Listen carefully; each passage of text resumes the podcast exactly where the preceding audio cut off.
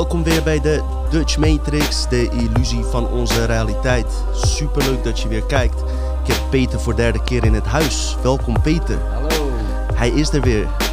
Gaan we het weer doen vandaag Peter? Ja, Zo, zoals het hoort. ik ben benieuwd wat we gaan vertellen. Ik ben ook zeker benieuwd. Eh, Peter heeft eh, sowieso een, eh, wat nieuwe informatie voor ons, wat hij nooit eerder heeft gedeeld. Hij wilde dat eigenlijk in zijn nieuwe boek schrijven. Maar eh, wij hebben het voorrecht om bij de Dutch Matrix eh, dat eh, aan jullie onder andere te openbaren. Dus super bedankt daarvoor, Peter, dat, dat je ons daarvoor hebt uitgekozen. Joh. Nou, graag gedaan. Ik kan hier gewoon alles vertellen, dus Zeker. dat kan ik eh, niet overal. Nee, nee, we staan voor alles open, dus dat is supergoed. Ik ben in ieder geval klaar voor fris en fruitig. Haartjes zijn gedaan. Is goed, is netjes, is niet iedereen. Hey, eh, ik begrijp niet. Ik loop op straat, eh, mensen kijken me raar aan omdat mijn haren gedaan zijn. Ik bedoel, eh dan vraag je ook niet aan die Humberto Tan, vraag je ook niet wie zijn haren doet, toch? Ja, die, die gebruikt gewoon een tondeuze volgens mij. Ja, dat kan die makkelijk zeggen, hè? maar kijk hoe, mooi, kijk hoe mooi die lijntjes bij mij zijn gedaan. Nee hoor, het is echt grappig om te zien hoe, hoe mensen kijken alsof je een misdaad hebt gepleegd, zeg maar. Ja, je bent waarschijnlijk illegaal geknipt. Ja, dat, eh, dat, ik kan daar geen antwoord op geven. Nee, dat moet je vooral ook niet doen dan. Kijk, dat Ja. is het enige eh, wat ik, eh, wat ik op dit, in dit geval niet durf te zeggen. Maar al met al, ik doe het voor de kijker. We moeten er goed en netjes uitzien. Kijk, je hebt ook een aantal hipsters die zijn dus naar schapenheerders gegaan om daar hun haar te doen. Heel creatief hoor, heel creatief. Dus je hebt geen barbershop, herdershop. Ze gaan naar herdershops nu tegenwoordig. Goed, al met al, Peter is hier. Wat we gaan doen, mensen. Peter gaat even wat dingen vertellen wat hij kwijt wilde. Ehm, over ja, eigenlijk waar hij al jaren mee bezig is. eh, De oude beschavingen. En waarom zijn die interessant, die oude beschavingen? Omdat er ook dingen nu gebeuren die in die oude tijden voorspeld onder andere zijn. Dus wat we gaan doen, we gaan even kijken wat Peter eh, met ons gaat delen. Vervolgens gaan we ja, bepaalde voorspellingen die vroeger zijn gedaan doornemen. Die potverdorie nu echt lijkt eh, te gebeuren. Endgame, we zitten midden in de endgame eh, momenteel. Dus eh, we gaan daarin verder. Het tweede deel wordt dus wat meer actueel. We gaan het zien. Hoe is het Peter, man? Ja, we zitten in een rare tijd. Hè? Ik bedoel, ehm, het is gewoon lastig voor mensen om. We hebben, we hebben, we- nu dit opgenomen wordt, hebben we die avondklok. Dus we moeten het wel smiddags opnemen. Vorige keer zaten we hier gewoon gezellig 's avonds. Kan je er een drankje bij nemen enzovoort. Dat gaat niet meer. Ehm, het is überhaupt moeilijk voor mensen om, om samen te komen. Hè? En kijk, ik zeg wel, een lichaam heeft maar drie dingen nodig. Dat is beweging, eten en aanraking. Ehm, maar dat wordt eh, moeilijk gemaakt. Bewegen mag niet, want als de, er staan soms bij, als er prachtige bossen en parken zijn, staat dat een bord van dat het te druk is. Ga, ga hier niet wandelen. Eh, sportscholen zijn dicht. Dus dan, ja, je moet wel door de straten gaan rennen of iets dergelijks gaan doen. Ehm, eten, ja goed, je kan boodschappen doen, maar de McDonald's is ook gewoon open, hè? Die, die, die mag wel. en aanraken mag niet. En dat heeft het lichaam ook nodig. Ik bedoel, wat, het eerste wat een baby krijgt is aanraking. En, ehm, en dat zijn allemaal dingen die ons lichaam nodig heeft, ook ons immuunsysteem nodig heeft. En ik, ik hoor nog steeds onze regering niets vertellen over hoe we onszelf gezond kunnen houden. Ze, ze hebben alleen maar maatregelen die ongezond voor ons zijn. Nou ja, daar heb ik op mijn manier ook last van. Ik probeer gewoon zelf eh, mezelf gezond te houden vooral. Dus eh, op tijd opstaan, eh, gezond te eten, bewegen, al die dingen. Een aanraking, ja, dat is illegaal. Dus ik ga, maar niet zeggen hoeveel mensen ik allemaal heb mogen aanraken de afgelopen tijd. Binnenkort krijg je van die soort condoomachtige dingen die je om je hele lichaam dan kan doen, weet je wel, om veilig met elkaar te communiceren. Ik weet niet hoe ver dit zal gaan, maar ja. Ik ben benieuwd, ik ben benieuwd. Eh, ik hoor wel, ehm, op de radio hoorde ik een reclame en die, ja, die waren toch heel erg eh, van eh, dat we binnen een paar maanden toch in het oude normaal weer zitten als die vaccinaties, als iedereen maar gevaccineerd is, Ja. weet je wel. Het einde is in zicht, want de vaccinaties, die zijn eindelijk beschikbaar. We noemen het een vaccin, maar het is gentherapie. Er wordt, normaal gesproken heb je een inenting en dan wordt een, eh, laten we zeggen, een griepvirus eh, wordt dan ingespoten in de hoop dat dan je lichaam antistoffen gaat aanmaken. En daardoor hè, dat je dus jezelf versterkt daarmee. Los van dat je dan altijd achter de feiten aanloopt omdat er iedere varianten van het griepvirus zijn, is in dit geval sprake van, eh, van gentherapie. Er wordt nu een gemodificeerd RNA ingevoegd wat iets doet met je DNA. Dus er wordt, ehm, er wordt een nieuw programma ingevoegd. En eh, los van de, weer de vraag of we weten wat het op lange termijn gaat doen, want het, dat is sowieso al nooit onderzocht. We weten dat het, als je dat erin brengt, het gaat niet meer je lichaam uit. En ehm, dus er wordt een soort nieuw programma in je programma gestopt. Want je, DNA is gewoon je computerprogramma. En wij weten niet, dus gemodificeerd RNA wordt erin gestopt, wat iets met DNA gaat doen. En we weten begot niet uh, hoe en of dat gaat werken. En er zijn al slachtoffers gevallen, maar het probleem is dat, ehm, oké, als, je, als je nu sterft en er wordt een, eh, er, is, er wordt een PCR-test gedaan en er zitten coronaresten in je lichaam, wat zelfs bij mij in jouw het geval kan zijn, terwijl we er niet ziek van geweest zijn, dan ben je doodgaan aan corona. Als je uh, sterft aan, uh, aan, aan zo'n eventuele injectie, aan zo'n inenting, um, ja, dan heet het ook allemaal corona, maar dat is niet te checken allemaal. Nee, ze kunnen er inderdaad goed mee spelen. We hadden het met Desiree daar ook. Die heeft dat echt uitvoerig en uh, goed, uh, goed uitgelegd. Uh, nu is er een andere variant en nu willen ze ook kinderen uiteindelijk gaan vaccineren. Dus ik vraag me alleen af, hoe hebben ze testen kunnen doen op kinderen? Op kinderen mag je niet testen. Dus hoe ga je zo'n vaccin dan uit, uittesten, zeg maar, ja, en voor kinderen? Nou ja, ik, je hebt deze Reuver al op bezoek gehad. Dus ja. ik, ik, ga daar, ik ga niet in. Ja, die heeft aardig wat uh, ja. daarover verteld. Ja. Maar uh, het, is, uh, het is een spannende tijd. Het, het, is een experiment. Ja. Om, ik bedoel, dat staat vast. En ik wil geen proefkonijn zijn in, in een medisch experiment. Nee.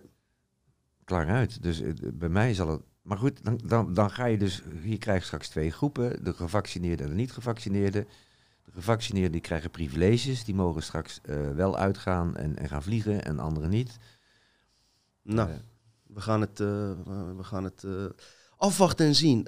Peter, ik ben benieuwd naar je verhaal. Je vertelde mij dat je ja, dit in je boek wilde schrijven. Wat is de reden dat je toch in, de pod, in een podcast wil openbaren, zeg maar? Nou, ik schrijf al, uh, mijn eerste boek is al in 97 verschenen. Dat was Wat wisten de Maya's. Daar wil ik zo iets over vertellen. En uh, inmiddels ben ik al aan nummer 9 of 10 uh, bezig. En ik schrijf al, al die tijd al artikelen en columns voor bladen. Al dan niet op internet of gedrukt. Um, maar, um, ja, hoe zeg je dat? Ik denk dat ik heb eigenlijk nooit verteld hoe ik, hoe, hoe, hoe ik aan die informatie gekomen ben.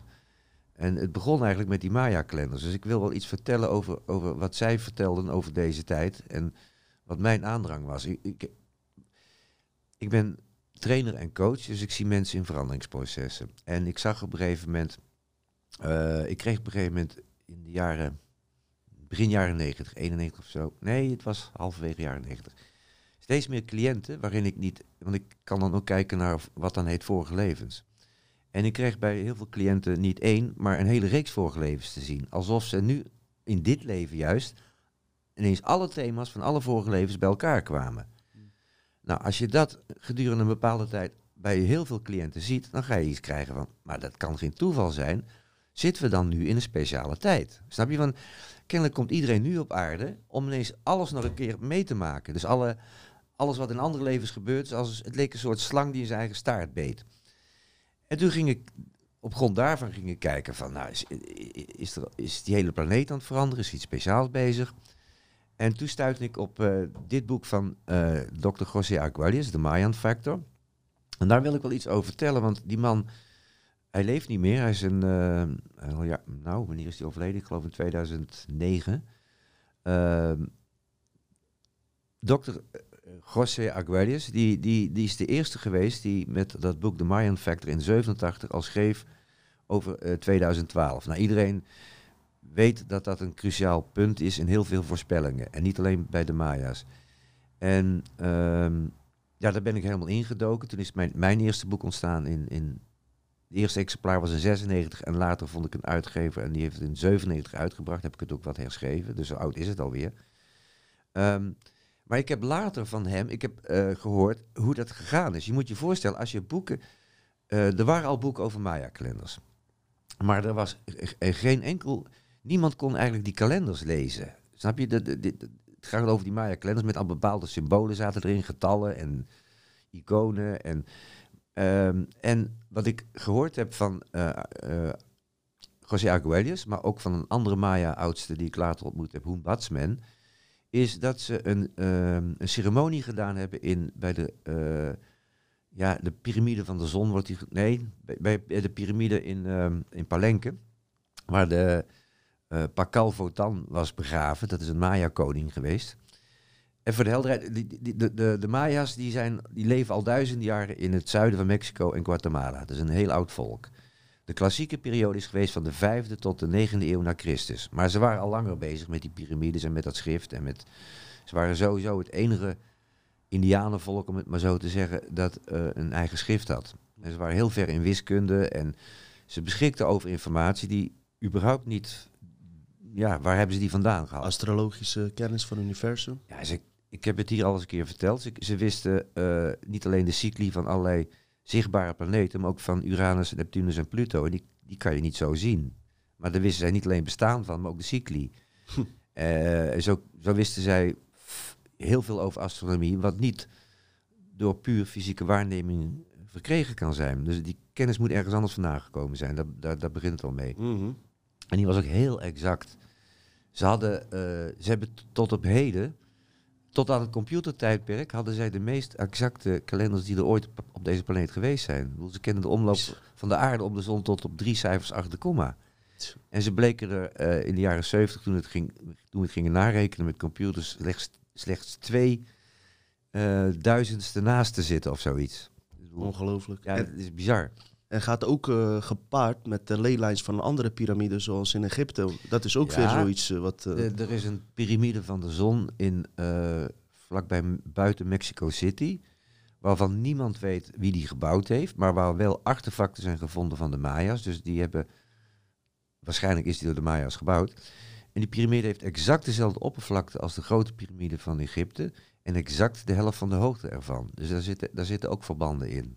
Mm. En er zijn nog meer bizarre dingen aan die piramide. Want onder die piramide ligt een laag mica. Ehm dus een bepaald gesteente wat hitte en radioactiviteit kan tegenhouden. Ehm, het is al alleen al bizar dat je dat dure spul eh, onder die piramide legt. Maar dat was mica afkomstig uit Brazilië. Dan ben je wel een paar duizend kilometer zuidelijker. Ja. Dus hoe, hoe komt een paar duizend jaar geleden mica uit Brazilië terecht onder een piramide eh, in Mexico? En waarom doe je dat? Mm. dat is al iets.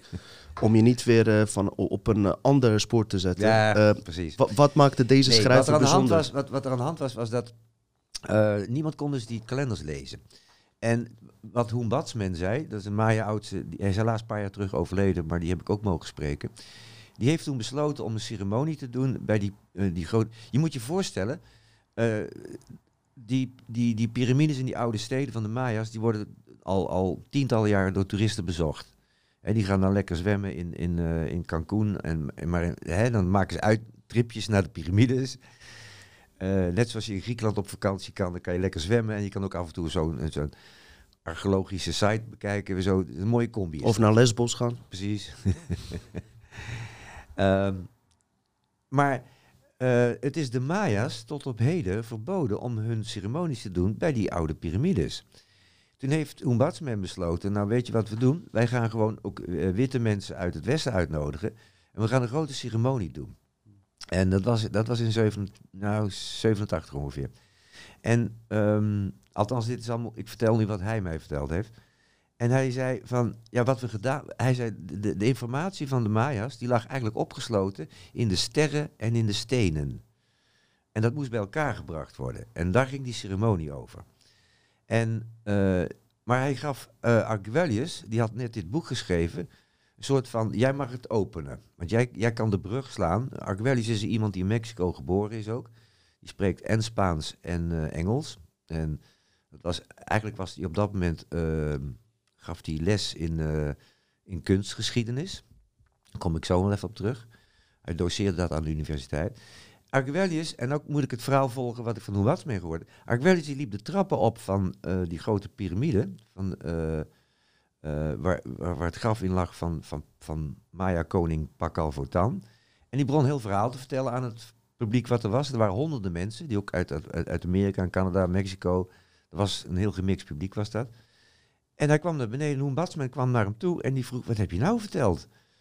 En Arguellius zei, ik weet het ook niet, maar Pakal Votan sprak door mij. Uh, en Pakal Votan, dat is eigenlijk, dat was een koning-profeet uh, die heel veel voorspellingen gedaan heeft. En die beroemde grafsteen, die, die zitten heel veel voorspellingen in, in, in verstopt. Uh, Erik van Deneke heeft hier een boek over geschreven. Die had het over een, een, een, een iemand die, een astronaut in een, in soort ruimteschip. Maar ja.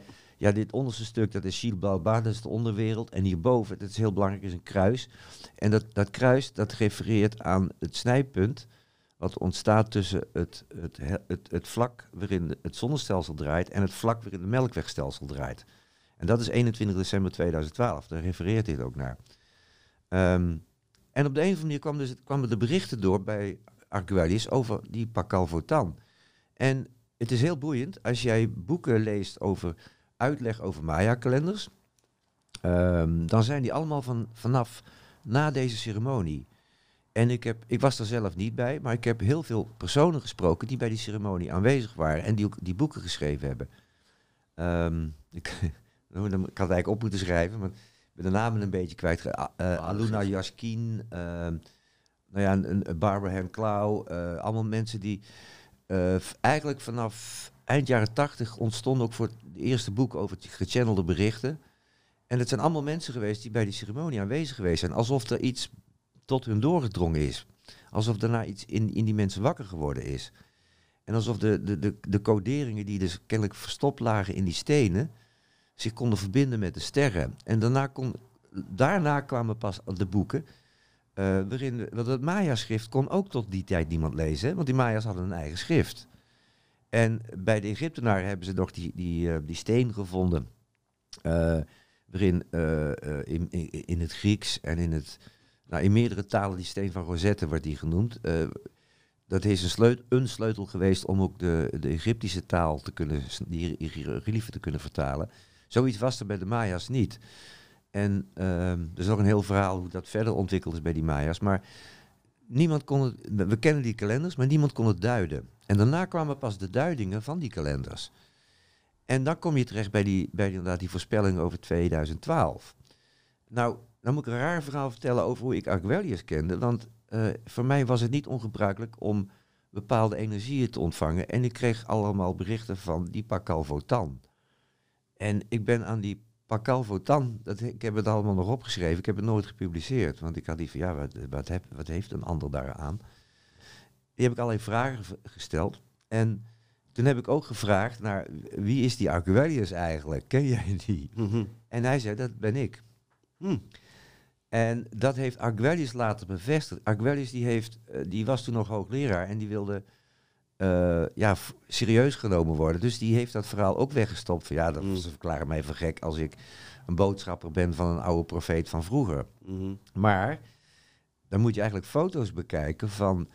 eh, er zijn eh, van, van Pakal Votan. Er zijn ja, niet alleen op deze grafsteen heb je een afbeelding. Maar er zijn ook beelden van gemaakt van zijn, van zijn kop, van zijn gezicht. En als je dat zet naast eh José dan zie je hetzelfde gezicht ook. Hmm. Bizar. Het is echt bizar. Een soort incarnatie Ja. eh, zou het dan... Ja.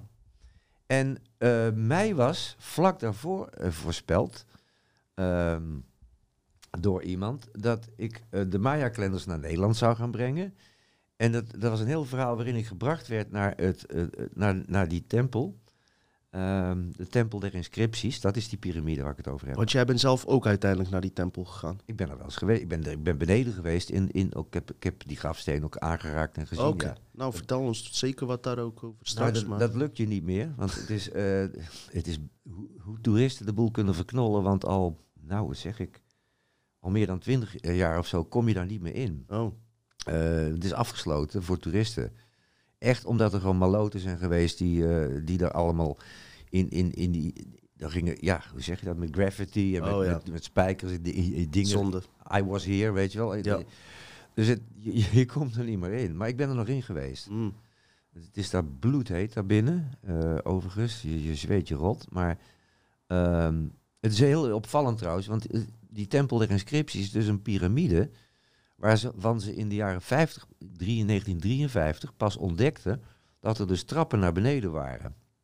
Dus dat, dat je erin kon. Eh, en tot dan toe was alleen bekend van de Egyptische piramides dat er een gangenstelsel in was. Maar nu ontdekten ze dus dat ook. En het interessante is dat voor het eerst die steen ge- gelicht is van het graf van Pakal die, ze vonden die steen, die hebben ze gelicht. En toen vonden ze dus dat skelet met allemaal sieraden en van alles. En ehm, het interessante is dat dat... eh, het is in hetzelfde jaar geweest als het, de uitvinding van het woord synchroniciteit. Hm. Want eh, professor Jung en, eh, god, hoe heet die, die, die wetenschapper, die hebben, zijn toen op dat woord gekomen. Eh, Carl Jung Ja, professor Carl Jung. En, en die andere... ja, ik ben hem ook even kwijt. En wat ze ook ontdekt hebben toen is de Van Ellen... David Boon? Nee, het was, ja, ik zou kunnen. Die, dat was, het was een Niels kernfysicus. Bohr? Ja, zou kunnen. Ja, Ja. een kernfysicus was het. Collega van Einstein ook. Ja. eh, ja, Die ja, ook met, eh, later ook met, met kwantumfysica aan ja, de gang ja, ja, ja. En op datzelfde moment hebben ze ook de, de Van Allen stralingsgordels ontdekt, wat eigenlijk een soort geheugenbank is van onze planeet. Dat, dat is een, een veld van plus- en mindeeltjes, van elektronen en protonen, die rondom de planeet hangt in een- vanaf een bepaalde afstand. En dat kan je dus zien als een geheugenbank, als je weet hoe, eh, hoe eh, elektromagnetische velden informatie kunnen bewaren. Mhm. Is allemaal in de, in de- is tegelijk ontdekt. Het- en, en dat bracht ook Arguellius en later ook mij op het spoor van... er is zoiets als een tijdgeest. Dingen worden vaak op hetzelfde moment tegelijkertijd overal ontdekt of onthuld.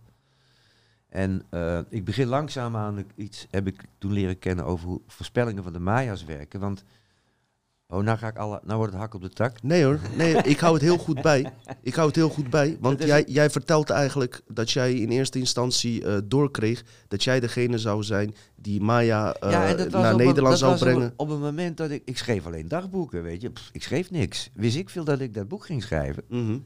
Ehm, eh, dat was eh, Jayton Jewell is dat geweest, een Canadees die nog steeds hele goede channelings doet. Die heeft me dat eh, allemaal verteld, dat ik dat, dat ik dat ging doen. Waarom ik dat nooit verteld heb, is dat ik, eh, als, ik, als je zoiets vertelt, dan denken ze, ah, of je bent gek. En als ze niet denken dat je gek bent, dan worden ze jaloers op je van wie denk jij wel wie je bent dat je dit mag Mhm. vertellen. Zo. Mhm. Uh, maar ik weet, ik, had, ik kreeg op een gegeven moment speciaal, laat, in de jaren later heb ik dus Arguellius ontmoet. En wat heel bijzonder is, Arguellius en ik konden elkaar in onze dromen ontmoeten. Hm. Ik, heb ik heb werkelijk meegemaakt dat ik hem in, in mijn dromen tegenkwam. En dat ik hem later dan weer fysiek tegenkwam. En vertelde, ik heb over je gedroomd, dat en dat en dat. En hij kon het verhaal afmaken. Zo, dat is bizar. dat is heel bizar. Van ja, dat klopt, dit hebben we dat en dat gedaan. Dus, snap je, we, wij konden elkaar in, in elkaars dromen ontmoeten. Ehm, ehm, maar dat, ja, ook dat dacht ik, dat ga ik ook niemand vertellen. Dus, ehm, en ik wist ook dat ik in de tijd van Pakal Votan daar ook een priester was. En toen ook de afspraak met mezelf gemaakt had dat ik het, wat dan heet, de kalenders naar de lage landen zou brengen. En dat had te maken weer met, ehm, hoe zeg je dat? Kijk, we hebben het hier al een keer over gehad dat 21 december 2012, dat hebben niet de Maya's uitgevonden dat dat het keerpunt in, in grote cycli is. Daar gaan we het zo over hebben nog. Uh, maar de Maya's die hebben het allemaal in steen bewaard voor ons. Die, ik, ik zie het alsof zij dus een soort van piramides en kalenders hebben geplaatst, die als een soort wekkers hebben gewerkt. Zodat tegen de tijd dat het 2012 werd, heel veel mensen tot en met mainstream media wakker werden van, wacht even, er was iets met 2012. Maya's. Uh, nou, dat, die Maya's hebben dus hele goede PR gedaan, in feite. Om het bewustzijnsveld uh, ja. te laten stromen. Ja. En als je informatie wil bewaren op deze planeet, dan moet je het vooral in steen doen. Want dat, dat, dat, dat, dat gaat niet weg. Dus ze hebben in mijn ook, want wat die klassieke periode is van de vijfde tot de negende eeuw na Christus. En toen uh, alle sorry, alle kalenders, al die piramides klaar waren, hebben ze ook plotseling in een heel korte tijd, in 13 jaar tijd, al hun steden verlaten. Maar ook dat zat in hun profetieën.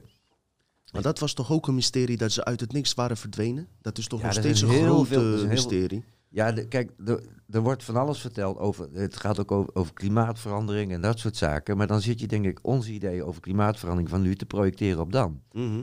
Want als je het leefgebied van de Maya's ziet, dan zie je dat die biotopen zo verschillend zijn. Want je hebt het, je hebt het vlakke land van Yucatan, dat is het, eh, het zuidelijke van Mexico, waar je heel andere biotopen hebt als, als de berglanden van, van, van, eh, van Guatemala. Ik bedoel, als, je, als je daar op, op bepaalde hoogte met je auto rondrijdt, dan lijkt lijkt wel alsof je in de Ardennen bent in de herfst. Weet je, zo eh, met mist en, en wolken.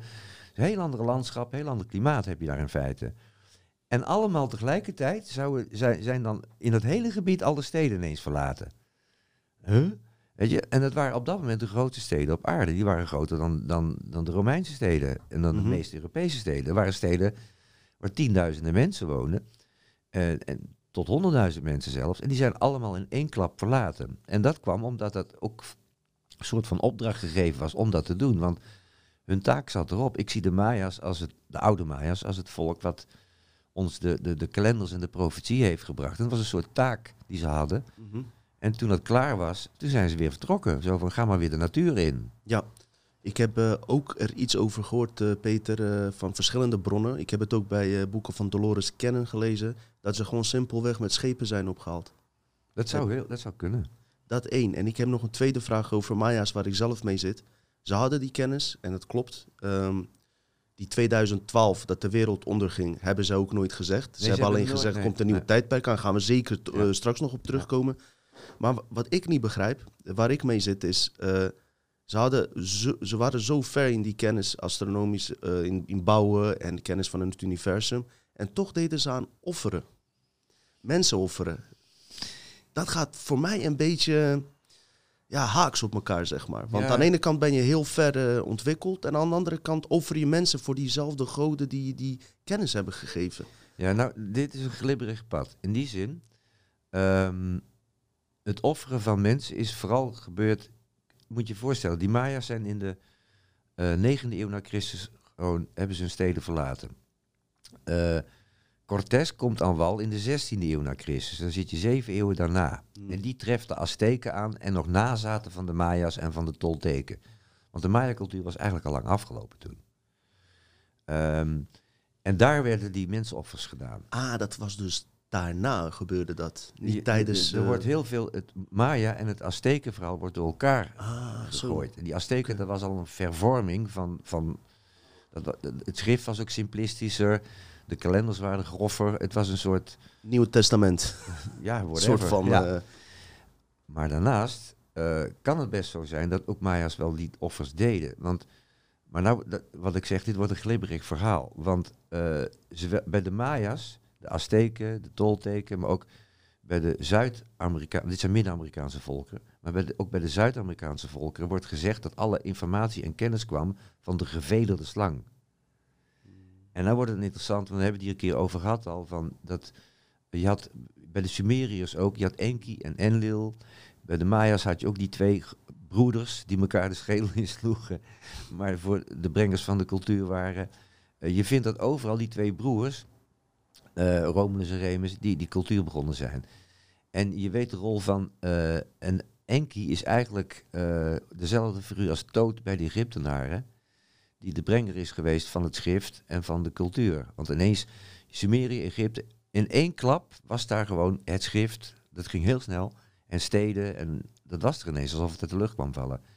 En het verhaal is dat eh, Anu, dan ga ik even naar het Sumerische, de Sumerische Mhm. versie, Anu, de- dat, Anu betekent eigenlijk eh, koning, Anunnaki betekent eigenlijk eh, van koninklijke, dat zijn eigenlijk de, de, de, de koninklijken, zal ik maar zeggen.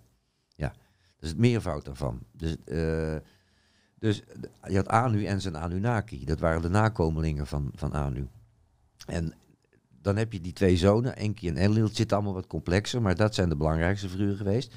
Die hebben meegebouwd aan deze, aan deze matrix, om het maar zo te zeggen.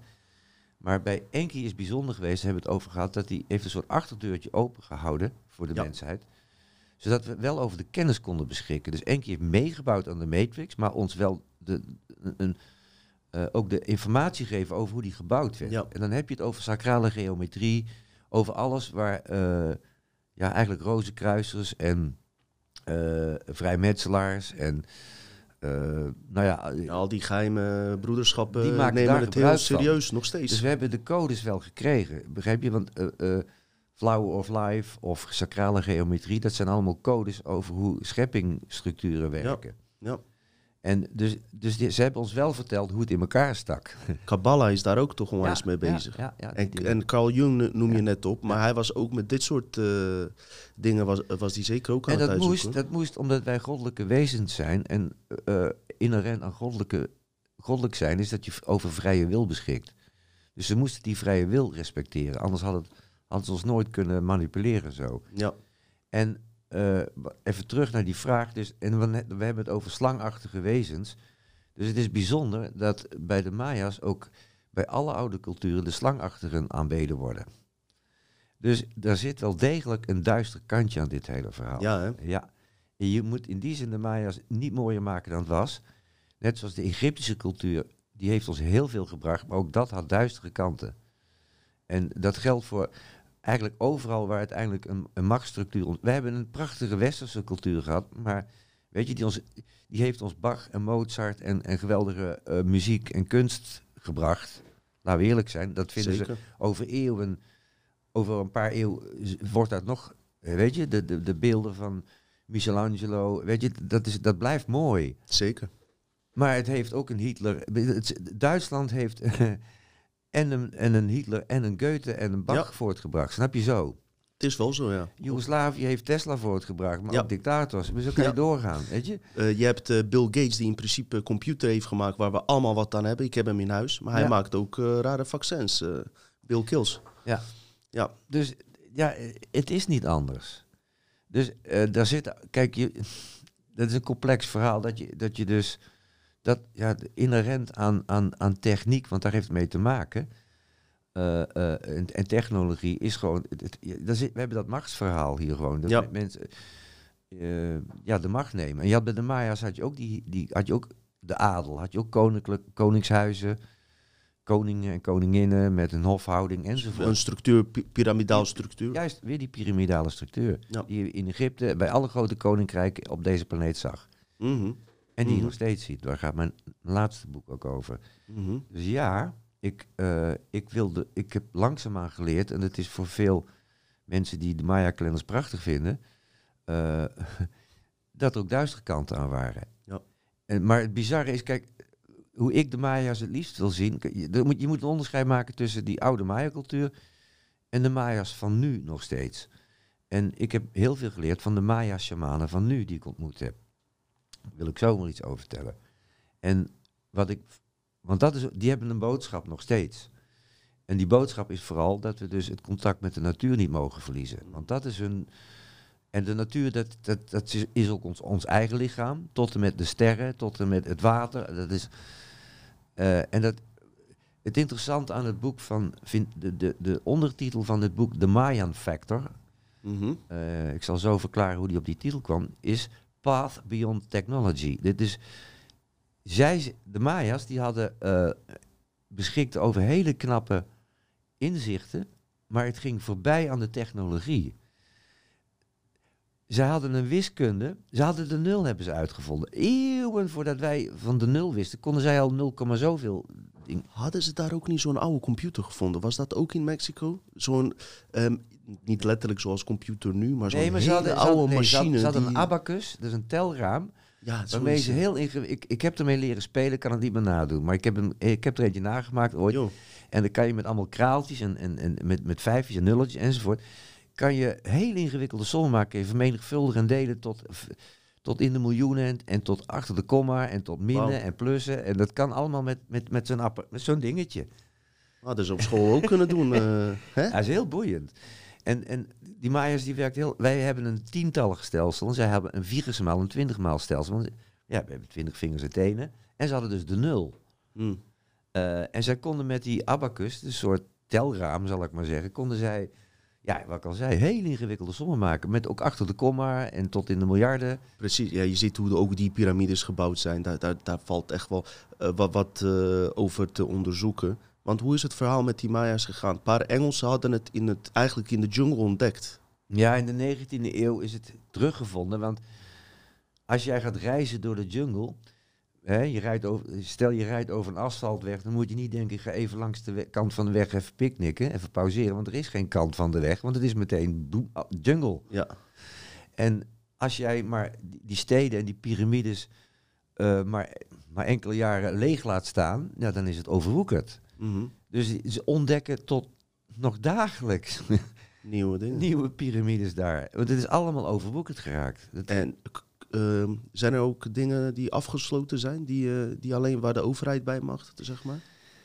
Ja, er zijn plekken waarvan eh, ingewijde Maya's die je daar kan tegenkomen vertellen, daar moet je niet heen. Of dat is een, dat is een landingsplek voor UFO's. Of de- Ja. Ik heb bizarre verhalen Oh ja? ja, ja, en die oude shamanen praten ook gewoon over ufo's? Of jonge shamanen, ze kunnen ook 20 jaar oud zijn, maakt niet uit.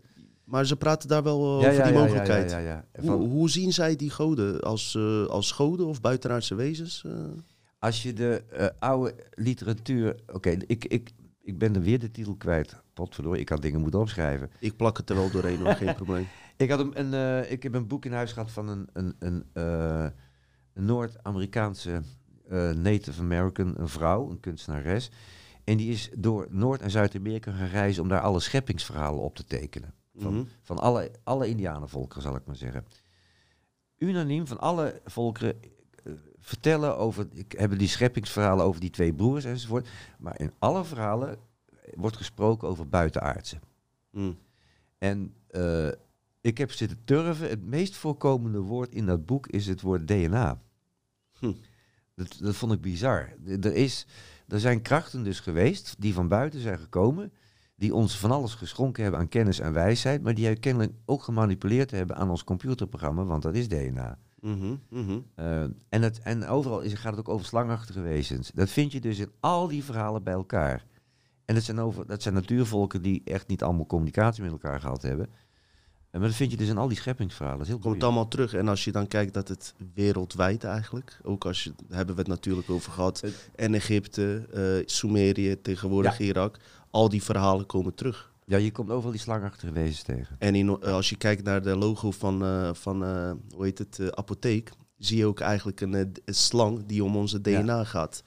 Zit ook in logo's verwerkt, Maar daar je, heb ik een keer het, over maar je gehad. komt het ook in ayahuasca-ceremonies tegen. Ja, Dat klopt. Is, ook de slang, het, het wezen wat het meest be- jou bezoekt. Ik denk dat dat eh, ook te maken heeft met het eh, misschien ook wel ehm, wat in ons is geprogrammeerd. Dat reptiele brein, die, die slang, weet je wel, in ons DNA verweven. En ik zou, het, is, het is iets heel interessants. Peter, mag ik jou even een video laten zien tussendoor? Wa- Ja, eh, waar ik, en daarna kan je uiteraard verder met je verhaal. Ja? Ehm, ik ben benieuwd wat jij hier, hiervan vindt. Ik ben de laatste tijd eh, eh, een beetje beland in tijdreizen. Mhm. Ja. Ik ben eh, bezig met de Montauk Project, Phoenix, project, eh, Phoenix eh, experiment waar Nikola Tesla mee eh, eh, betrokken was geweest. Ga ik een keer uitgebreide aflevering over maken. Maar nou heb ik ook eh, gezien dat er ook in de oudheden oude Stargates eh, eh, zijn gevonden als het ware. Want eh, die eh, wezens waar jij over spreekt ook, eh Enlil en eh, hoe heet die andere ook alweer? Enki en Enki Enlil. en Enlil Ja. die, mo- die moest ook op een bepaalde manier hier komen. En ehm, ik heb een filmpje en ja, het duurt maar een paar minuten. En ik ben benieuwd naar jouw mening daarover. Dus ik zou hem graag willen laten zien. Is goed? En dan kunnen we even de, de- daar samen misschien wat commentaar op geven. In 1533, Spanish conquistadors arrived at the borders of the Incan Empire. They penetrated quickly inward, cutting a path with steel, looting and plundering as they did. In one Incan town, a priest named Amaru Ramu waited for the conquerors to arrive, cradling close to him his community's prized possession, a small golden disc they called the Key of the Gods of the Seven Rays. As the Spanish got closer, Amaru Ramu decided to flee into the mountains around Lake Titicaca, taking the precious disc with him lest the Spanish get their hands on it. There, hidden amongst the rocky peaks, he came across a group of holy men guarding what appeared to be a large doorway carved into a mountain. The men began to tell Amaru Ramu the story of this doorway, proclaiming that it was a portal they called the Gate of the Gods, which, when opened, led to the world where Incan deities resided. Great heroes of the past, they explained, had traveled through the door when their time on earth was complete. There was even a prophecy that one day the gate would open much wider than it had before, and the gods would return to Earth. Intrigued, Amaru Ramu began to examine the doorway more closely. In the middle of this door was a small circular depression, about the exact size, he realized, of the golden disc he had brought with him. Curious, he took the disc out and placed it in the depression. It fit perfectly. Suddenly, a blue light began emanating from the doorway, and the mythical portal began to open as Amaru Ramu and the holy men alike stared in awe. Perhaps sensing what was to befall his Incan brethren at the hands of the Spanish, Amaru stepped through the door, never to be seen again.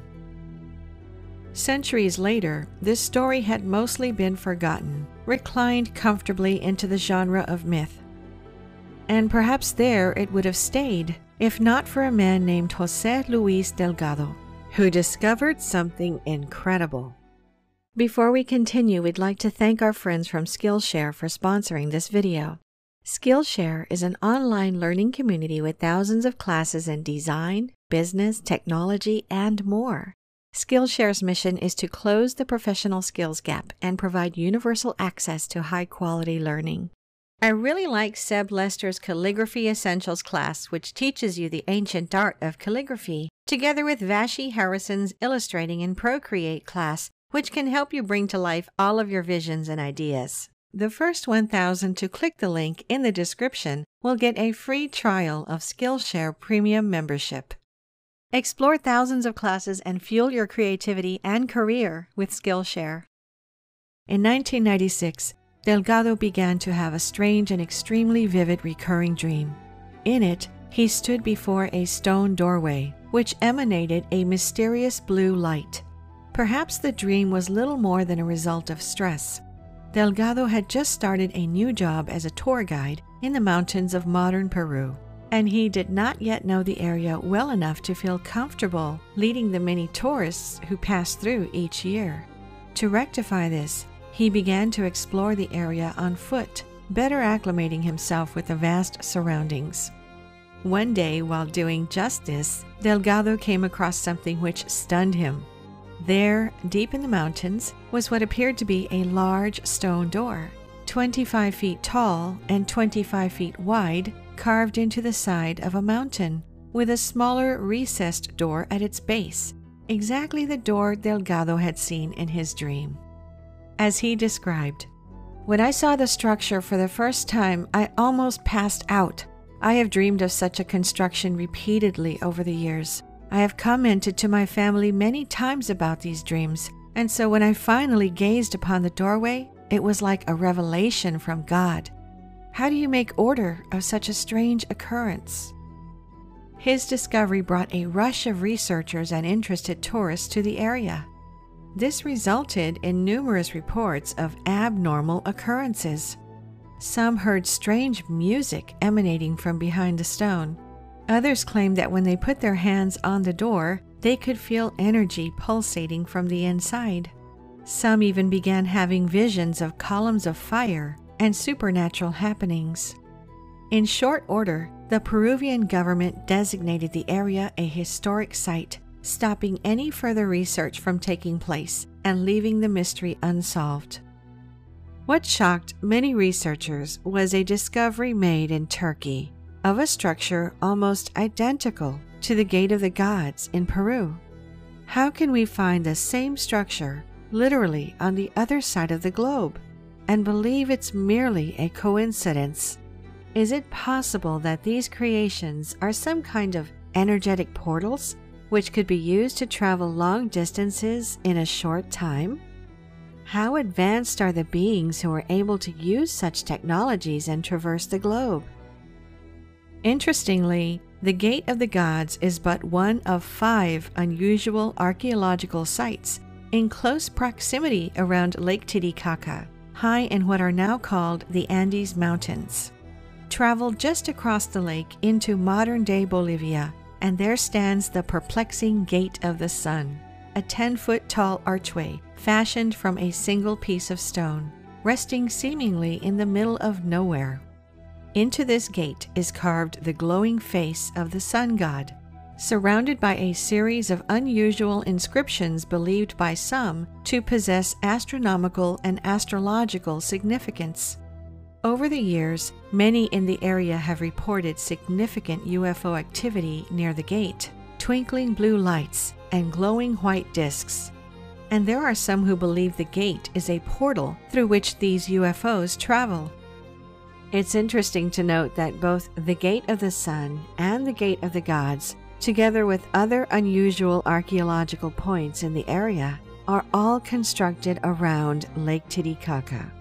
Ja, Peter. eh, heb je dit wel eens gezien eerder? Nee. Nou ja, ik wist, ja, jaren terug heb ik eh, hier wel van kennis genomen. Overigens, dit is niet Maya's, dit is Inca's. Inca's, ja. dat, dat is, ehm, dan zit je duizenden kilometers zuidelijker. Ehm, waarschijnlijk hebben de Maya's en Inca's wel handel gedreven met elkaar. dat zie je wel ook, ja. Ja. Eh, maar de, de Inca, de, laten we zeggen, de, de, de Inca-cultuur zoals we die kennen, die is eh, ook van latere tijd als de, als de klassieke Maya-cultuur. Maar er is nog een verhaal, want de, de echte, de wortels van die oude Inca-cultuur is weer duizend jaren oud, in Mm. Want dit gebied is ook hetzelfde gebied als waar ook zo ergens in de zes, zo ergens rond 5000 voor Christus, dat gaat even een beetje grof maken nu, is tegelijkertijd de Indiase cultuur ontstaan, de Sumerische cultuur in, eh, ja, wat nu Irak is, zal ik maar zeggen, en de Egyptische cultuur. Maar ook daar is een cultuur ontstaan. Die zijn allemaal los van elkaar ontstaan. Ehm, en dat was nog niet meteen de Inca-cultuur, dat is een pre-Inca-cultuur, waarvan ik, waar, die eigenlijk ook weer, eh, en hij- daarvoor waren ook nog oudere culturen, maar dat is weer een ander verhaal. Dus ja, hoe- ik weet, ook, ik weet van de Inca-cultuur ook niet zoveel af. Eh, het is anders dan de Maya-cultuur, waar ik meer van af weet. Het idee van de tijdreizen, wat vind je daarvan? Ja, Portaal. Want ja. als die wezens al zo ontwikkeld Ja. waren, zouden ze ook die techniek moeten hebben. Ik ben, eh, daar, eh, ik, ik, ik ben wel eens. ehm, ik ben een paar keer in Avebury geweest. Dat is in Zuidoost-Engeland. Dat is, dat is niet zo ver van Stonehenge. En het is het gebied waar al die graancirkels overal altijd gevonden worden. Mhm. En waar ook altijd heel veel eh, rapportages zijn over UFO-waarnemingen.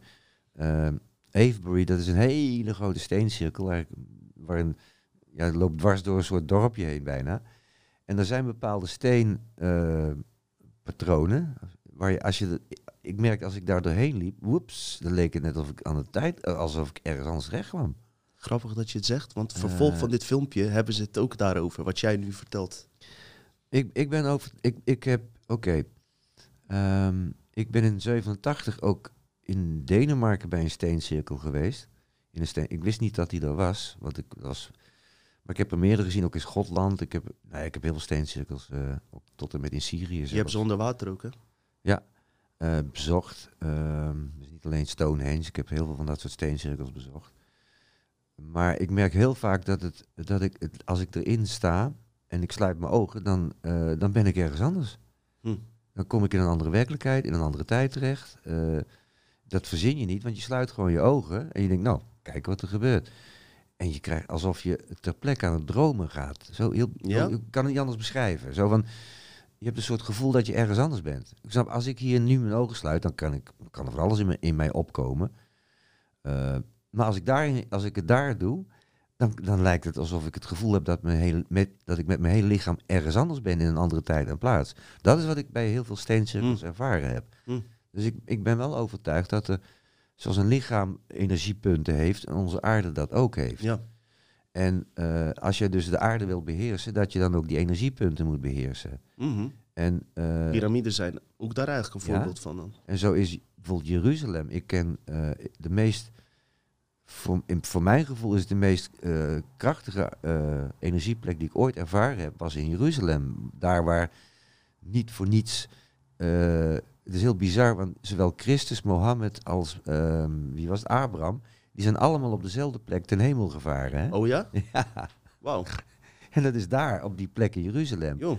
Als je dan realiseert dat er geen stad op deze planeet is die zo, waar zoveel, die zo vaak belegerd en bevochten geweest is als Jeruzalem, dus die staat met stip bovenaan, ik geloof Ja. 23 keer of zo. Eh, dus dat is kennelijk, er is, een, Er is iets daar. er is iets daar. Is Je hebt natuurlijk die Solomon-tempel. nou ja, het is niet voor niks dat, dat ook Joden, Christenen en moslims om die plek vechten, want je hebt daar waar de tempel van Salomon was, daar is nu de Al-Aqsa moskee met Ja, die gouden En onder zou die eh, ark moeten liggen of zo. Dat van alles is dat. Er, is een, er zijn de hele, de hele sorry, eh, kruistochten Ja, die gingen over die plek om, om, om Jeruzalem terug te vinden. Ja bizar Dus, hè? dus daar, is daar, een, er, is, ik, er is daar een portaal Ja, naar andere werkelijkheden, kennelijk. ik heb nog... eh, Eh, dus, die, ja. dus dat bestaat voor mij. Dat is mijn ervaring, althans. Oké, Niet alleen de verhalen, maar dat heb ik op verschillende plekken op aarde kunnen ervaren. En wat ik al zeg, de meest krachten heb ik ervaren in Jeruzalem. oké. Eh, oh, je bent er geweest dus ja, ja, ja, ja, ja, ja, ja. Ik, ik, ja, ja, ja. Dat is een, er is, ik, ik heb daar in, in, een, in een kerk was een steen. En daar zou dan Christus ten hemel zijn. Die, die plek zou die dan ten hemel zijn gaan gevaren. En dan zou dan dat, dat, eh, dat kruisbeeld opgestaan hebben Mhm. waar die dan aangang. Ik ging naar die steen voelen en baf, ik, ik, ik heb me nog nooit zo gegrond gevoeld. Het is net of ik naar het middelpunt van de Oh, aarde ja. werd gezogen. En in dezelfde seconde bijna, woef, vloog ik door allerlei werkelijkheden heen. En kreeg ik visioenen van een soort hemelse stad. En ik denk, oh, misschien is dit wat ze bedoelen met het, met het nieuwe Jeruzalem, waar, waar ook aan gerefereerd wordt. Ah. en ja. ik had zoiets, wow, dat bestaat dus. Het nieuwe Jer- Jeruzalem, het is er, het nieuwe Jeruzalem. En misschien ben jij die Christus zelf. Ik denk dat we het allemaal zijn. Ja. De vraag is of de persoon Christus zelf bestaan heeft. Dat is ook Maar eh, discutabel, ja. Voor mij heeft, heeft de, is Christus een energie, ehm, ja, hoe zeg je dat? Die te maken heeft met, met verlossing, vergeving. Want verlossing en vergeving, dat zijn de meest helende energieën die er zijn. Zoals schuld en boete je heel erg kunnen vasthouden. Ja, Dus het, het, staat net zoals je een moeder Maria hebt, maar die vind je eigenlijk ook in alle culturen terug. Dat is, het, dat is gewoon het moederprincipe, het zorgprincipe. Zo heb je allerlei eh, ja, laten we zeggen, psychologische ka- karakterstukken. Je hebt ook een. Ja, iedereen heeft zo de stukken in zichzelf die belichaamd worden door, door een soort van goden. mhm. Maar dat kan je ook als een. eh, ja, dat kan ook, kan ook een hele psychologie eraan ophangen. zeker, zeker. Nou, hey, weet je trouwens van die eh, Stonehenge, dat eh mythe is dat Merlijn de tovenaar die stenen daarop heeft gezet. Met magische krachten. Ja, Dat is de mythe daarachter. Ja, er zijn, dat is een ander verhaal. Je vindt ook in heel veel culturen eh, verhalen over dat stenen gewoon opgelicht konden Ja, worden. ja, En- op die manier, met Ja. geluidsfrequenties en Juist, dergelijke. Nog iets, Peter, wat ik interessant vond, is voor de kijker ook, eh, denk ik, ook handig om eh, te weten als er bijvoorbeeld een oorlog wordt gevoerd, dat het diepere lagen en betekenis heeft. Ehm, die ook portaal bevatte is eh, Irak, zeg maar, Bagdad. Dat was natuurlijk Babylon. En da- Ja. daar waren die en Sumerische Anunnaki. Ook Ja, daar zie je daar geland, ja. ja, ook daar zie je dat je in Egypte, of nee, sorry, je had een, even kijken, Ehm, daar schijn je ook in Irak dus een Stargate te hebben, een belangrijke Stargate. En de echte reden wordt gesuggereerd, de grootste reden met oorlog in Irak, Mhm. ging om die Stargate. Ging niet eens om die olie, wat, eh, wat in de eh, standaard complotmedia werd verteld. Ook onder andere. Dat Nee, is een laag ja, die ervan ja. profiteert. Maar het schijnt ook zo te zijn, en ik wil dat nog dieper gaan onderzoeken, dat er serieus naar die eh, Stargate is gezocht. Stargate is dus van duizenden jaren oud. En in Egypte vind je het terug. Je had een portaal waar je God Ra kon eh, bezoeken. Mhm. En dat was ook een eh, Stargate-achtig iets. En nu jij vertelt dat jij eh, met die aanrakingen ook die andere werkelijkheden kon aanvoelen. Ja, zou dat, zou dat Ja, op dit- zich wel ja, het is natuurlijk mogelijk een heel kunnen zijn. subject- subjectief verhaal wat ik nou vertel. Het is gewoon mijn ervaring. Precies. Maar het was niet dat ik daarop uit was. Ik, ik denk, oké, ik ga gewoon kijken wat ik voel, wat er gebeurt. Mhm. En eh, ik ben een gevoelig iemand die energie kan waarnemen. Wat ik denk wat iedereen kan, maar vooruit. Eh, maar dit, dit was echt heel krachtig. Mhm. Eh, en dat, dat hebben. Kijk, het is niet voor niks dat er zo nog steeds om Jeruzalem gevochten wordt. Om wie de, Er is wel iets wie is de baas in Jeruzalem? Die vraag ja. speelt nog steeds. Zijn dat de, de, de- zijn dat de, de Palestijnen of de Israëliërs? Zijn Ja. dat, weet je, zijn dat de, de Joden of de moslims? Ja. Zijn dat de christenen? Eh, en Ze dan willen het allemaal claimen, want die Ja. klaagmuur eh, is ook weer voor alle drie. eh, was het nou zo dat de Ja, die klaagmuur- klaagmuur, dat, dat zijn dan de resten van de, de vernietigde tempel van Salomon. Oh ja. En, en daarom wordt daar geweend, geklaagd over nou, wat, wat de Joden dan kwijtgeraakt zijn. Waarom hebben jullie dat gedaan? Ja, precies. en precies achter die muur heb je dan, eh, als je over de muur heen kan kijken, dat kan je vanaf een bepaalde hoogte Daar zie je zien. moslims ook Ja, waarschijnlijk. daar zie je juist die, die Al-Aqsa-moskee Ja, weer. ja. En die staat eigenlijk op de plek waar de, de, de tempel van Salomon was. Ja. ehm, ja, En het zijn figuren die gerespecteerd worden door al die drie eh, geloven. Maar ze voeren wel onderling eh, zware, zware het oorlogen. zijn, de, het zijn de, de drie belangrijkste, wat dan heet, monotheïstische religies. Mhm. En, en, en het was Akhenaton die ongeveer als eerste met dat monotheïsme kwam aanzetten. Dus dat ene god. Daarvoor had je altijd die meerdere goden. Mhm. Ehm, en toen was er in één keer die ene god. Dat was wel zo handig, want dan eh, had je een soort baas bovenaan de piramide waar je allemaal, allemaal voor moest knielen. Dat was wel, wel zo overzichtelijk hoor, dat er maar één god is. was makkelijker te regeren en beïnvloeden. Ik, Ja. ik heb laatst toevallig weer iets van die Nag Hammadi waar jij het ook over had. Weet je wel, eh, die gnostische bijbels, die eerste Ja. bijbels. En daar kwam ook zo duidelijk in naar voren dat, eh, dat er één god was. Maar je kon wel kiezen uit meerdere goden wie je wilde hebben als god. Dat is ook een tricky ja, iets. dan, hoe hou op. Zo, oh, maar- ja, je hebt ook nog. Daar moeten we misschien een keer apart inderdaad over. want eh, is Yahweh dezelfde eh, van god als, als- die ander. Ja, ik bedoel, want Yahweh was een behoorlijk wraakzuchtige god eigenlijk. Ehm, en wordt door, ehm, ja, door de gnostici werd hij, werd hij niet erkend. Yahweh werd weer door de gnostici, gnostici gelijkgesteld aan de duivel weer. Ja, Zo, dat, dat, dat is niet de goede god. Maar dan heb je het al. bedoel, dit- We zitten op een planeet met, met strijd enzovoort. zeker. Maar ik wil, ik wil weer terug naar het begin van ons verhaal. Ik, ik geloof wel degelijk eh, dat je kunt tijdreizen. En, eh, ehm, maar dat, dat, dat, dat is weer een apart verhaal. Ehm, ik, dan moet je iets uitleggen over tijd. Ehm, en wat ik er van de Maya's van geleerd heb. Het belangrijkste wat ik van die Maya's geleerd heb, is dat tijd niet alleen lineair is. Want in de natuurkunde wordt gewoon gezegd, heel simpel, er was ooit een Big Bang en vanaf dat moment ging de tijd lopen. En dat heet dan de tijdpijl. Dat wordt aangegeven in een grafiek met een kleine t en die gaat dan lopen. En ehm, dan gaat de tijd alleen maar lineair. Dan krijg je alleen maar een hoeveelheid van doorlopende dagen. Je wordt jaren. baby, je groeit op, je wordt ouder. Dat is lineair een beetje. Ja, maar zo, de, de geschiedenis wordt dan een soort opeenstapeling van gebeurtenissen. En je krijgt eigenlijk alleen maar meer van hetzelfde wat maar doorloopt. Mhm. Een ander concept is die van de cyclische tijd. En dat is, dat is de natuurlijke tijd. Kijk, de, de, de, de lineaire tijd die, kan je, die is ook mechanisch gemaakt. Want dat, dat kan je, dan kan je zeggen, dan kan je die dag ook nog eh, indelen in, in 24 stukken.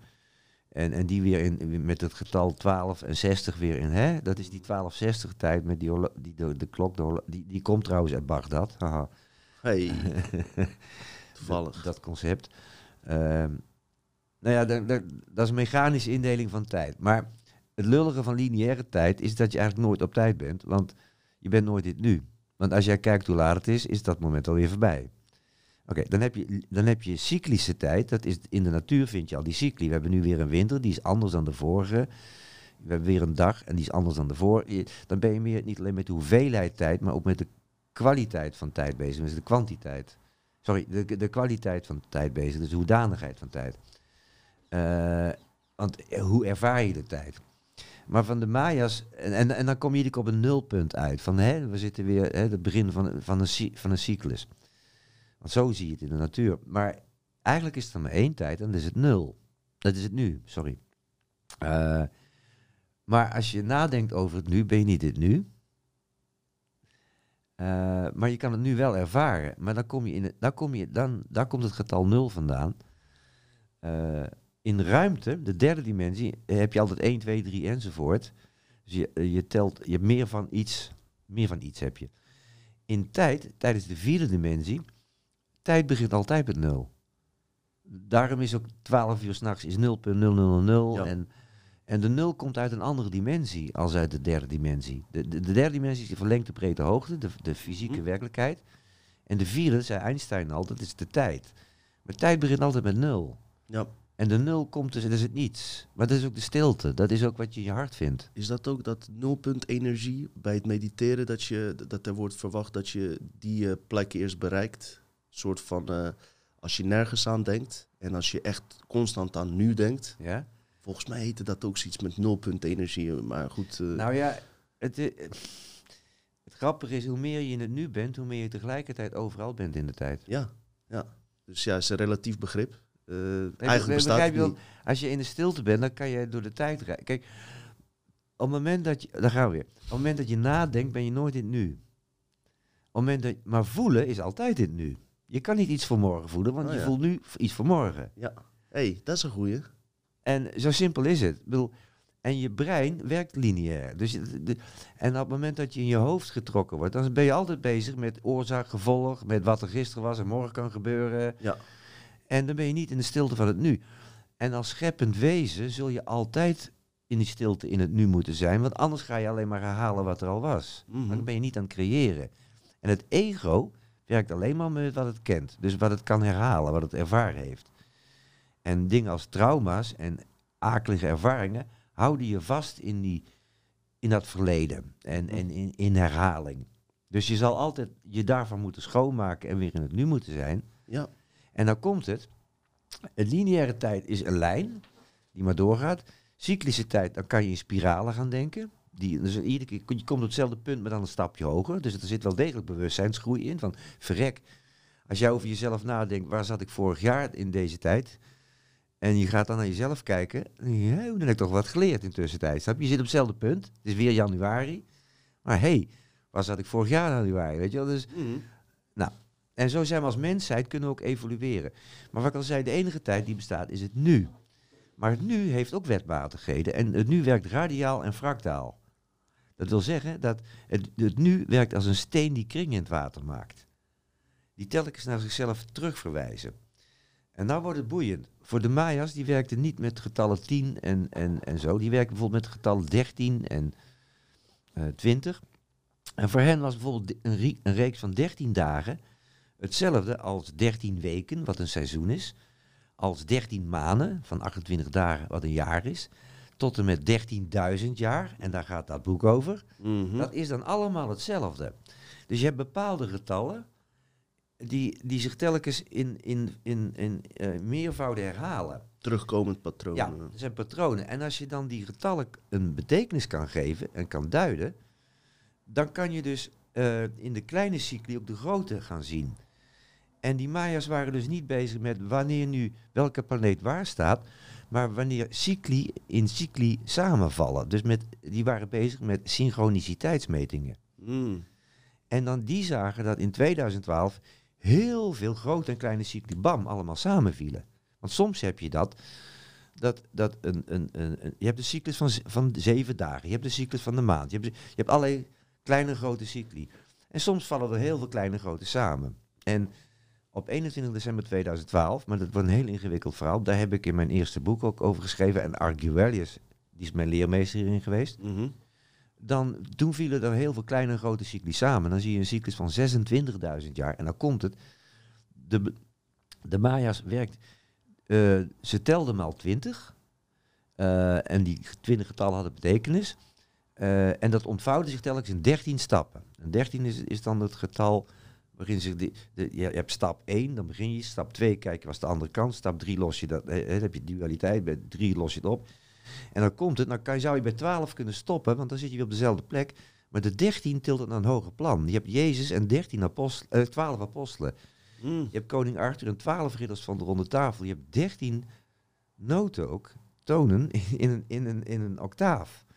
Als je de witte en de zwarte toetsen neemt. En de hoge C, als je het in een ci- cirkel gaat plaatsen, zit precies op de plek van de lage C, maar dan net eentje hoger. En dan krijg je dus, zo ontstaat die spiraal, die eindeloos doorgaat.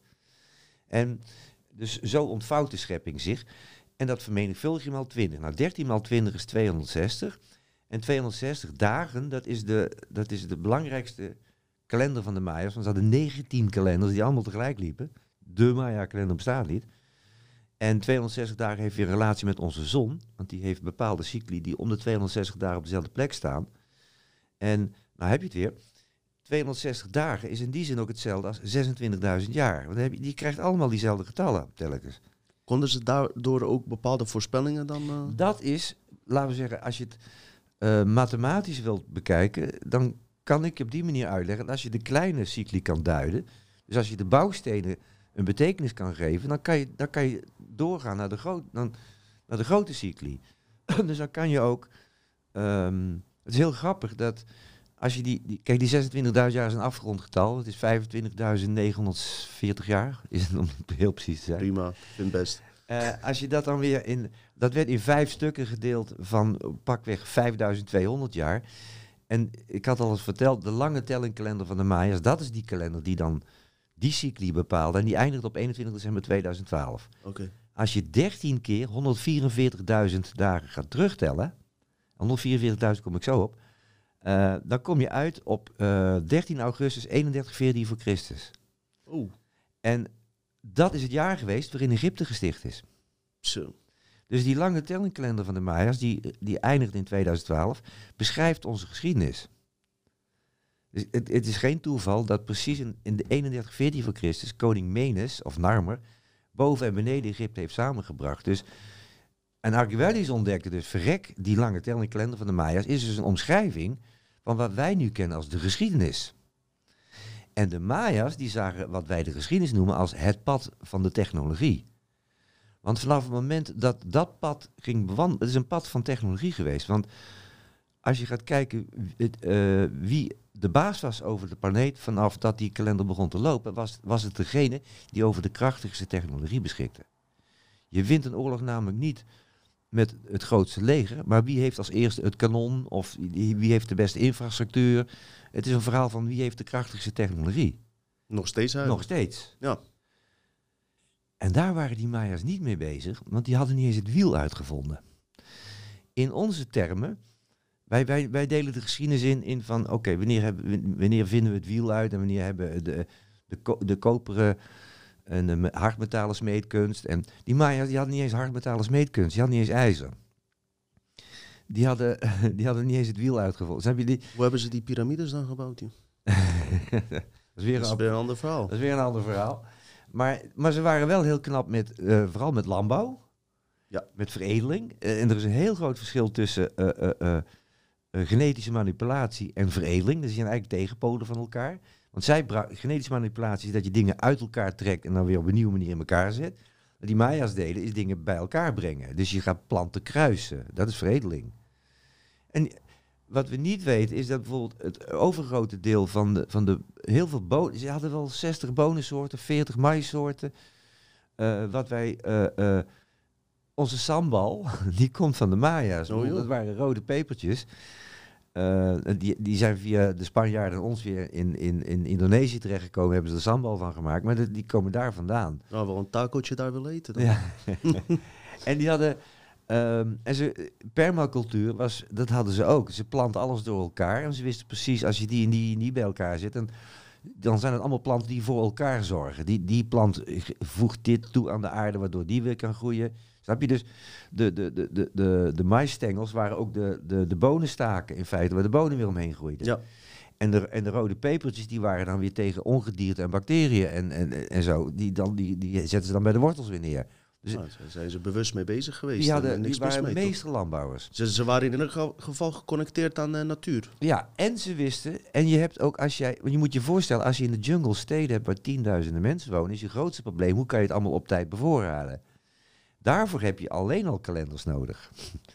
Dus zij wisten ook precies wanneer ze wat moesten poten en oogsten en wanneer ze het moesten vervoeren. Dus daar heb je op zich heb je dan al heel gesofisticeerde kalenders nodig. Logistiek, alles erop Juist. en eraan. Het was gewoon Precies. geavanceerd. Ja, dus een hele goede logistiek heb je nodig dan. Als krijg je die niet bevoorraad. Dus, dus je kan het ook heel plat maken. Ze hebben al- maar ze hadden dus kleine kalenders voor die praktische zaken. Maar nou komt het. Ze hadden kalenders die tot... Er was één kalender die gaat tot 16 miljard... Nee, ja, tot 16 miljard jaar terug. Terwijl wij geleerd hebben dat de Big Bang nog geen 14 miljard jaar geleden was. Mm. Dus hadden- weer... Er eh, was één kalender, die ging dus nog die ging terug tot voorbij wat we nu als de Big Bang zien. Dus dan ben je met iets anders bezig dan wanneer je op tijd je mais moet gaan oogsten. Ja, Eh, dus nee, ze hadden fascinatie voor tijd. En ik bedoel, ik, van Egyptenaar kan je heel veel leren over geometrie, of sacrale me- geometrie. En, en ook eh, de, de getallenleer ook. En daar, daar kan je bij de Sumeriërs ook over leren. En de Maya's, die wisten veel van de tijd. die waren wat tijd. En dit is ook toevallig, omdat ik ook zelf met uh, tijdreizen dan de laatste tijd eh, bezig met, met the- theorieën en eh, dergelijke. En wat me dan ook opvalt, en mijn vraag aan jou is... eh, Jezus kwam altijd met vissen. En ik denk dat dat voor het tijdperk vissen stond. Ja, maar En die overschakeling naar waterman, dat is eigenlijk ook wat Maya dan eh, ook hebben omschreven. Ja, maar zij noemen het anders. Zij werkte sowieso met 13 sterrenbeelden, niet met 12. van- Oh, Dan gaan we weer. 12 is een getal wat uit de derde dimensie komt. Want als jij een taart... Het twaalftellig stelsel, dat, dat- wat de Engelsen nog heel lang gehad hebben, dat komt uit Sumerië of Babylonië. Als jij een, een, een, tientallig stelsel is eh, handig, maar eh, als jij een taart in, eh in tienen wilt... Oké, 10 is deelbaar door 1, 2, 5 en zichzelf. 12 is het kleinste getal wat door het grootste aantal deelbaar is. Want het is deelbaar door 1, 2, 3, 4, 6 en zichzelf. Dus als jij een taart in 12 verdeelt, dan kan je, dat, kan je het maximaal, maximaal aantal mensen blij mee maken. om het zo te zeggen. Eh, maar dat is dus geschikt om, het, om ruimte in, gelijke stukken te delen. Nou, dat is op tijd toegepast. En dan krijg je die rare maanden van 30 en 31 dagen. Want het, Die net niet eh, gaan. het is een andere dimensie. En de Maya's die werkten niet, getal, niet met getal 12. Komt nergens. 13 was daar het belangrijkste getal. En dat is niet vreemd, want ik heb hier al eens een keer verteld dat ehm, na bevruchting, 13 dagen na de bevruchting, dat is, eh, dan, moet het, dan is een vruchtje zo volgroeid dat het naar binnen moet keren. En dat veroorzaakt een puls en dat is de eerste hartslag. Oké. En dat is, eh, en dat is dus de eerste cyclus, cyclus waar we mee te maken krijgen, is van 13 dagen. Ehm en zo kan het nog een tijdje doorgaan. 13, 13 is een getal wat je wel in de natuur tegenkomt. 12 zal je nergens in de natuur terugvinden. Dat is een kunstmatige constructie om ruimte in stukken te delen. Je, je vindt geen planten met, 13, met 12 blaadjes of zoiets. Uh-uh.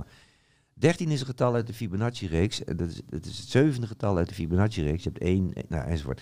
Dus dat vind je wel in de natuur, maar 12 niet. Het is gewoon een geconstrueerd, het is een mentaal concept wat je dan.